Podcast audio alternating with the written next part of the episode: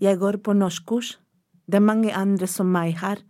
Fra Polen, Japan, Tyrkia og Pakistan. Jeg ser på dem, tenker nå må jeg si noe. Men så sier jeg ingenting.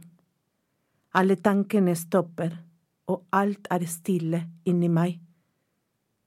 Nå må du prøve å si noe, sier jeg til meg selv. Så spør jeg hun som heter Monica, har du det bra? Ingenting er lett, sier Monica. Lyden til ordet òg er lett. Jeg kan si òg uten problem.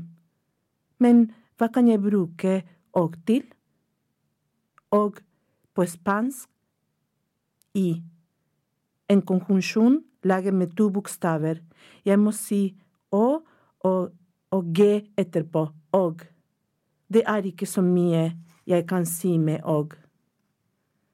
Og, og, og jeg teller de samme trappene, og jeg teller de andre, og jeg sier at jeg er en fremmed, og det er de andre også, og jeg lærer nye ord og jeg vil lære de ordene som jeg har mest bruk for. Jeg gjentar og, og så gjentar jeg om og om igjen andre umulige lyder. Ah, hvor stor skal munnen være for å lage lyden ah? Jeg åpner munnen uten å skrike ah. Jeg klarer ikke, sier en del av meg. Du må, sier en annen del av meg.